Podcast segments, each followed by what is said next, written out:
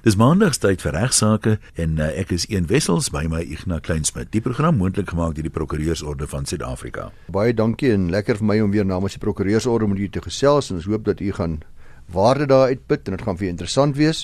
Eerstens Ian, is daar 'n onlangse hofsaak gewees aan die einde van 2017 in die saak van Belwana teen die Oos-Kaapse LER vir opvoeding en ander en ook is, is Langeveld teen die Oos-Kaapse selle LER en ander. Dit is 'n uitstekende voorbeeld van die werking van 'n sekere bepaling wat handel met die reg tot toegang tot inligting gehou deur 'n publieke liggaam, deur 'n openbare liggaam. Die wet op bevordering van toegang tot inligting, ons praat altyd van die PAIA wet, P A I A wet, is geskep met die doel om te verseker dat inligting gehou deur publieke liggame, openbare liggame meer toeganklik is aan ons almal. Sodoende word daar gepoog om deursigtigheid en verantwoordbaarheid te bevorder. Nou artikel 45 van PAIA bepaal egter die volgende ten opsigte van beselagtighede of kwelsigtige versoeke of dan wesenlike of onredelike misbruik van hierdie bepaling. Hy sê die inligtingbeampte van die openbare liggaam kan 'n versoek om toegang tot 'n rekord van die liggaam weier indien a die versoeklaar blyklik beselagtig of kwelsigtig is of b die werk wat betrokke is by die verwerking van hierdie versoek waarskynlik die hulpmiddels van die openbare liggaam wesentlik en onredelikerwys sal aantas, erodeer, verwater, wegvat. Dis dus duidelik dat hierdie reg wat aan die publiek toegeken word, nie absoluut is nie, die reg tot toegang tot inligting.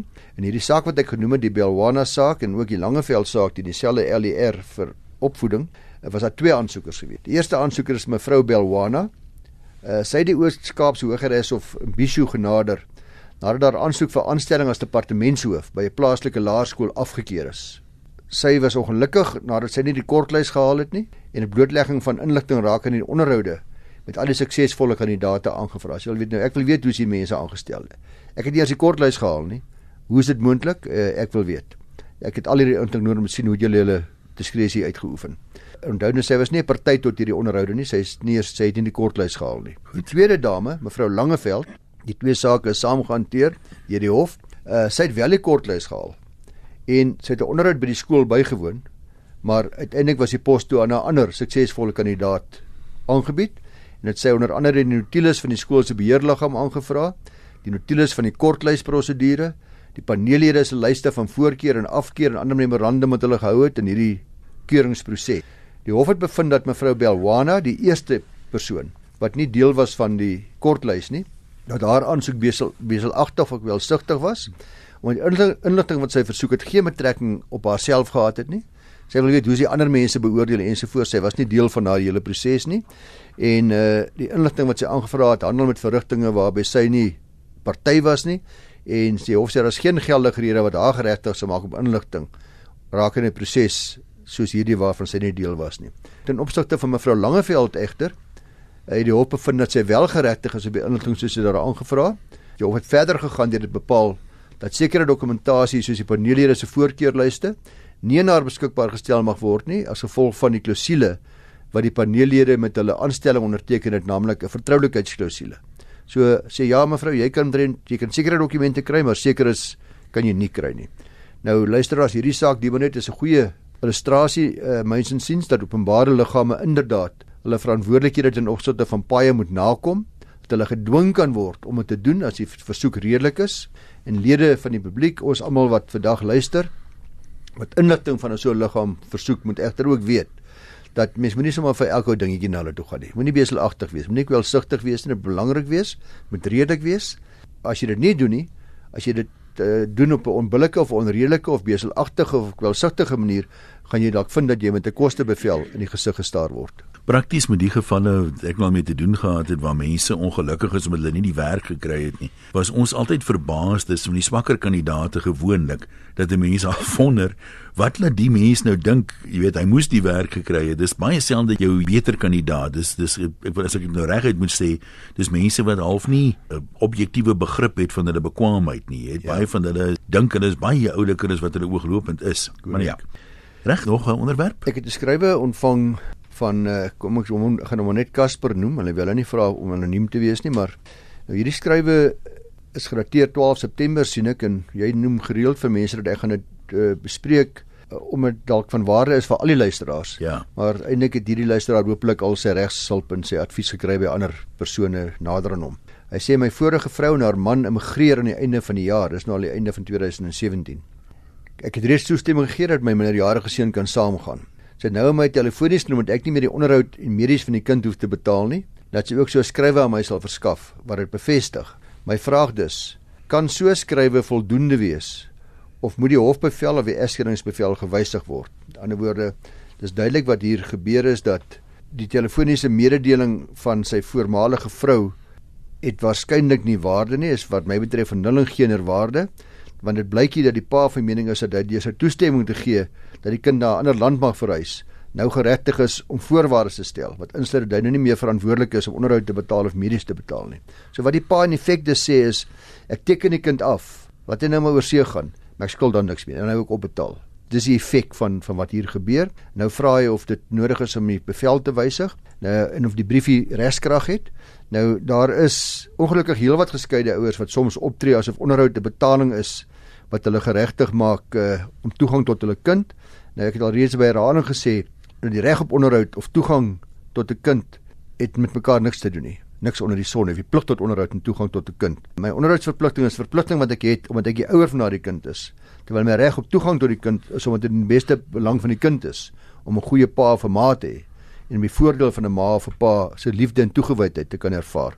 Die belangrikste rede hoekom ek sê so 'n briefie van 'n ma wat sê dat die onderhoud is nou afgestel, jy hoef nie meer onderhoud te betaal nie. Hoekom ek sê dat dit geen regskrag nie, is omdat die hof as opperhoof van kinders aangestel is en altyd sal moet bepaal wat werklik in die beste belang van die kind is.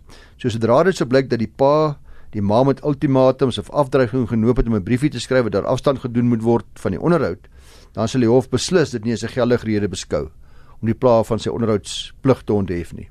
So my advies aan Kas is dus dat hy te alle tye moet beweeg wat in die beste belang van sy kind is. Indien in belang van die kind is dat die klein ding saam met sy ma en pa moet immigreer na 'n ander land, moet hy sy toestemming verleen en steeds sy pligte as onderhoudspligtige pa nakom. Indien hy egter van mening is dat dit nie in die beste belang van die kind is nie, dan moet hy dringend 'n prokureur gaan sien sodat daar op 'n behoorlike wyse ooreengekom kan word uh, op al die reëlings wat getref moet word of dat die kind moet bly of dat die, dat hy op dat dit op en neer uh, sodat die hof kan bepaal wat in die beste belang van die kind in daardie omstandighede. Ek het al by verskeie sake in hierdie program daarop gewys dat die hof soms bepaal dat dit tog in die beste belang vir 'n kind is om saam met een ouer te gaan, te emigreer en ander kere weer sê dat dit nie in die beste belang van die kind is om saam te gaan nie en dat dit die kind liewer in Suid-Afrika moet bly. Elke geval op eie meriete. Dat dit niks te doen egter soos ek sê met kasse plig om voort te gaan om sy minderjarige seun uit die beste van sy vermoë te onderhou of dit nou sy in Suid-Afrika is of dit in 'n ander land is nie. Uh, terloops ek het ook in die pers gesien uh, luisteraars dat daar in die Hooggeregshof in Pretoria baie interessante saak was waar 'n vrou met haar twee kinders na Ierland toe geëmigreer het en waar die pa geweier het om toestemming te gee en die ma die hof genader het om toestemming te kry om die kinders uit Suid-Afrika te neem. Die ma het onder andere as redes vir die emigrasie aangevoer dat dit in die kinders se beste belang is om te laat beter toekoms in Ierland sal hê, dat sy daar vir hulle 'n veilige omgewing sou kon skep wat nie hier is nie en dat die onderrig geleenthede daar ook baie beter is as nou in Ierland. Die pa het in beginsel nie probleem gehad met die verhuising na Ierland nie, maar hy dring aan op sekere klausules en voorwaardes waarop die hofbevel verleen moet word. En uiteindelik kom die ouers ooreen dat die kinders Ierland kan gaan, dat hulle in Engels kan skool gaan uh, want hulle verstaan en praat reeds Engels en word daar ook 'n bepaling in die hofbevel gevoeg dat daar met die kinders Afrikaans gepraat moet word in hulle huis in Ierland. Die pa mag verder minstens 5 dae per week saans aanlyn met die kinders praat. Byvoorbeeld ook uh, Skype. Mm -hmm. Hy mag ook daagliks tel, redelike telefoniese kontak met hulle hê wat ook WhatsApp boodskappe insluit. Die pa se kinders ook sien elke lang uurse skoolvakansie. Nee, die ma sekere pligte in terme van die hofbevel om die nodige reisings te tref. Hierdie is 'n baie goeie voorbeeld. Die media berig sê dat die pa die kinders ook in Ierland kan besoek. Nou hierdie is 'n uitstekende voorbeeld myns insiens waar 'n ma en 'n pa op 'n baie volwasse en 'n wyse manier ooreengekom het oor dit wat hulle glo in die beste belang van hulle kinders is en waar hulle hof versoek het om dit in 'n behoorlike hofbevel te beliggaam sodat al die partye daaraan gebonde kan wees. Ja, dit is seker 'n uitsondering, maar dit is tog ook denkbaar dat die man en die nuwe man uh, emigreer oor see en dat hulle finansiëel baie wel af is, wonderlike geleenthede. en dat sy vir die pa dan kan sê ons kan ruim voorsiening maak vir die kinders. Ek weet jy byvoorbeeld sukkel dalk 'n bietjie, so jy hoef nou nie verder te betaal nie. Dit is tog denkbaar dat so 'n situasie kan ontstaan, maar dit sal verseker nie algemeen wees nie. En jy sê dit sou dan beter wees om liewer die onderhoudsbevel dienooreenkomstig te laat amptelik wysig. Want prakties ek meen die een wat die klagte gaan lê gaan tog nie ma wees, maar nou soms versier die verhouding weer na 'n paar jaar. Correct. En dan sit jy nou jy het nou vir 5 jaar nie betaal nie en nou skielik. Een ek het ook 'n briefie gekry. My dogter is op 3 Februarie 2017 sy seker geskei. Sy het twee kinders met ouderdom 5 jaar en 6 en 'n half jaar. Haar gewese man het geweier om die skikkingsakte te teken, maar sy is geskei met die hofbevel dat hy R5000 per maand per kind moet betaal.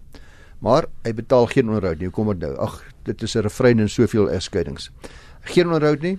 Sy het hom deur die prokureur in kennis gestel dat hy al reeds 7 maande agterstallig is. Anders gaan hy in hegtenis geneem word. Hy laat weet dat hy werkloos is en dit nie kan betaal nie. Hy het die besigheid gehad en dit het verwaarloos deur luiheid en drankmisbruik. Tot op hierdie dat hy nog geen poging aangewend om 'n werk te soek nie. Dit is net gerieflik om te pleit dat hy nie inkomste het nie. So so sy noem dit onderduik, so vermy hy onderhoud. Sy het toe 'n brief aan sy pa laat stuur. Dis nou die pa, die oupa hierdie geval, uh om nou die onderhoud van hom te eis. Hy laat weet weer dat hy pensionaris is en geen verantwoordelikhede vir hulle finansiële probleme dra nie. Hy's redelik wel af, hy besit 'n meentuis en meubels en twee duur motors. Intussen sukkel my dogter om die behoeftes van sy kleinkinders te vul. Wat staan daar te doen? Mag sy toegang van die kinders weier?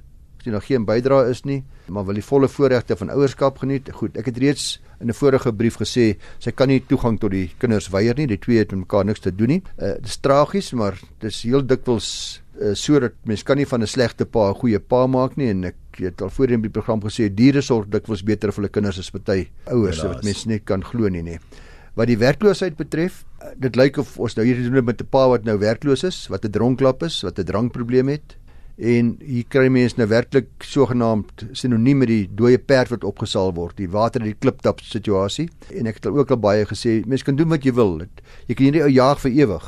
Terwyl hy werkloos is, gaan die hof nie 'n bevel teen hom maak nie. Die hof kan nie. Die hof kan hom ook nie verplig om te gaan werk nie. Die hof kom met vir hom preek en raas en beklei en alles, maar niemand van ons is verplig om te werk en kan deur 'n hof verplig word. Ek weet wat die landroos howe soms doen prakties om die probleem nou te oorkom is hulle dagvaar die pa en dan stel hulle die saak uitsende maar vir 6 weke of 2 maande en sê hy moet gaan werk soek en dan bevestiging bring van 'n ja. paar plekke dat hy wel daar was om werk te soek en as hy dit nie bring nie dan dui dit daarop dat hy nie belangstel om werk te soek nie en dat ja. hy dan gevangenisstraf opgelê word. Ek dink ook dis 'n baie oulike manier om hom te motiveer om te doen, maar uh, ag daar's van hulle wat 3 maande, 6 maande, 9 maande kom terug kry nie werk nie. Onthou nou ons het werklose syfers in ja, Suid-Afrika ja. wat dramaties hoog is. So dis regtig maklik om om werk te soek so wys jy nie werk gaan kry nie. Ja, ons het altyd gesê hy soek in die hoop om nie te vind nie. Ja, korrek ja. Wat die oupa betref, is dit 'n ander saak. Daar het ek bietjie beter nuus in die sin dat 'n uh, eh, grootouers is ook verantwoordelik vir die onderhoud van hulle kinders. Hierdie grootouers sê dat hy net 'n pensioen, maar belangrik ook en dis vir ons luisteraar belangrik om dit in die oor te knoop, is dat die hof kyk nie net na jou inkomste nie, maar ook na jou batesituasie. Ek kan nie 'n ryk man wees en sê maar ek het nou afgetree. Ek bly in 'n paleis van 'n huis en ek het wat ek nog al dit mag wees nie, ek het net nie geld, ek het nie geld nie, maar ek het 'n klomp bates nie.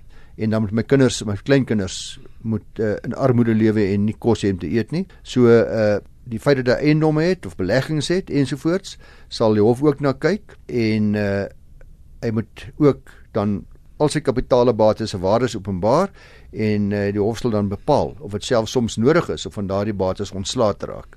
Weerens ek kan nie met 'n klomp duur karre ry of met allerlei duur luukse items in my huis hê en sê maar jammer ek as gevolg daarvan kan ek nie my kinders onderhou of my kleinkinders onderhou nie. Wanneer mens egter kyk na 'n uh, onderhoud deur 'n uh, grootouers dan moet gekyk word na al die verskillende partye. Hierdie hierdie brief is geskryf deur deur deur ja. 'n ander ouma. Die ouma se eie inkomste gaan dan ook opgeweeg word om te kyk wat watter partye kan almal 'n bydrae maak en dit gaan 'n belangeopweging wees om te sien wie kan 'n groter bydrae of 'n kleiner bydrae maak. Is dit gelyke bydraes nie? Is dit teoreties moontlik dat kom ons sê die ma, die pa en die ouma en oupa aan die een kant kan nie een bydrae maak nie, dat die oupa wat wel meer vermoënd is, die volle onderhoudsbedrag moet betaal. Correct, dit kan ja. gebeur. Ja, absoluut so. Ek dink gaan dit gaan dit wees afhangende van wat die vermoë is van die verskillende onderhoudspligtiges. En as net een onderhoudspligtige die vermoë om te betaal, dan gaan net daai een onderhoudspligtige dit betaal. En natuurlik kan daardie uh, as sodra mens dit doen, dan word daar ook 'n bietjie druk uitgevoer op hierdie seun wat werkloos is. Hmm, pa gaan dalk help soek nou. Om weer om weer bietjie sy uh, sy dinge agter mekaar te kry want almal almal beklei nou saam. Die briefie luisteraars wat ek gekry het van Pieter van Kaapstad lees as volg: Ek hoor graag 'n regsaak oor jou kommentaar oor die volgende geval. Dis denkbeeldig, maar ek hoor baie sulke stories. 'n Persoon met 'n geldige testament kom te sterwe. Die familie gaan dadelik bank toe en maak daardie oorledene se rekeninge in aanhalingstekens leeg moontlik deur 'n volmag te gebruik. Daarna gaan hulle na die munisipaliteit en slaag daarin op een of ander wyse om eienaarskap van die oorledene se voertuig na familielid oor te dra. Dan gaan hulle huis toe en deel die oorledene se persoonlike besittings na eie goeddinke onder hulle self en vriende uit.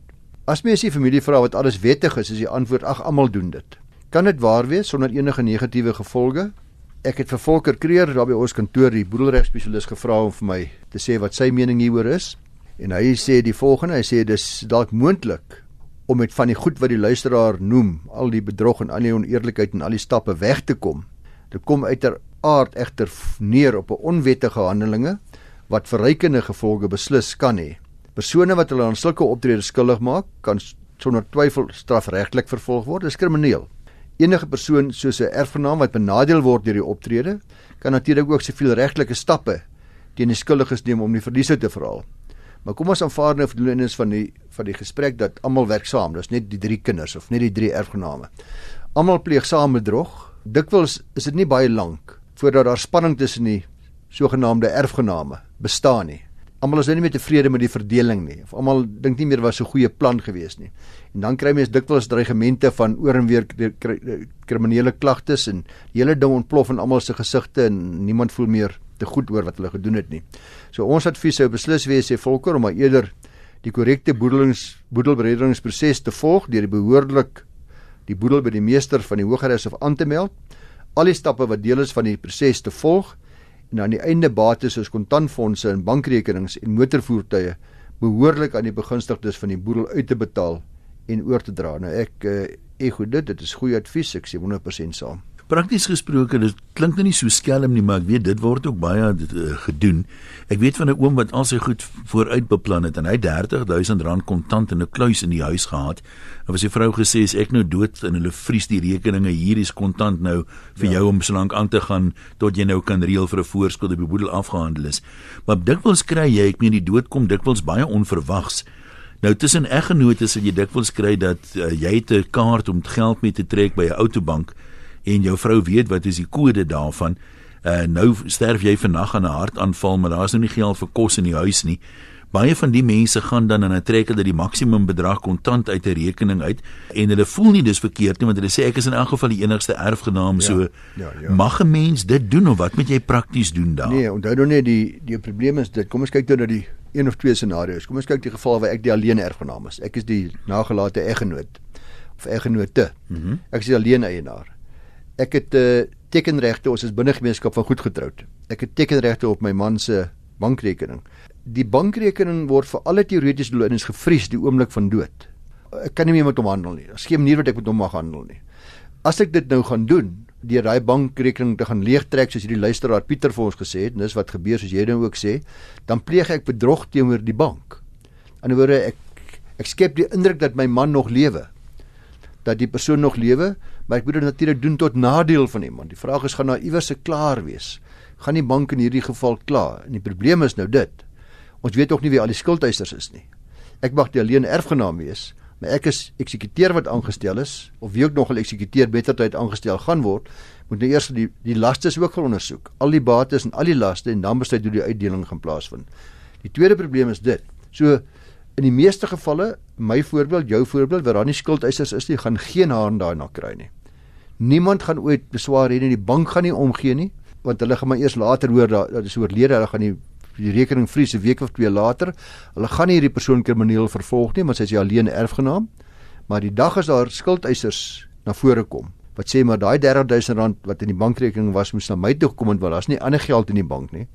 Dan gaan hy geld teruggevorder moet word en dan as dit nie teruggevorder word nie, gaan daar bedrogklagtes wees. Maar nou is daar 'n benadeelde, as jy verstaan wat ek mm, bedoel. Mm, mm. Die tweede probleem is wanneer daar wel ander erfgename is. En dis in die meeste gevalle so. In ander woorde sê net maar die drie kinders is die erfgenaam. Die drie kinders is lankal vies vir ma omdat sy met iemand anders teen mekaar is of wat ek nog al die, die verhouding is bietjie dit is nie te lekker tussen die kinders en ma nie. Nou gaan ma en sy gaan steel nou inderdaad my erfborsie. Dis natuurlik duidelik bedrog, kan nie goedgekeur word nie. As een van die kinders gaan kla, uh, dan gaan sy in 'n kriminele hof moet verduidelik. Nou prakties gesproke kan boedels dikwels 'n jaar of meer neem om ja. af te handel. Wat doen 'n weduwee in so 'n geval om ja. geld te hê vir kos en daai tipe ding? Ja, is is baie moeilik. Ek het al dikwels gesê dat wanneer 'n mens 'n goeie verhouding het met 'n kliënt wat te sterwe kom met die hele gesin en met die familie oor jare heen, uh die meeste prokureurs en ek moet nou baie versigtig wees oor wat ek sê maar ek dink ek kan dit met vrymoedigheid sê dat die meeste prokureurs sal in so 'n geval waar hulle die eksekuteur is of eksekuteur gesamentlik baie dikwels met een van die familielede sal hulle dadelik vir die nagelate eggenoot toelaat om met die geld alreeds te handel.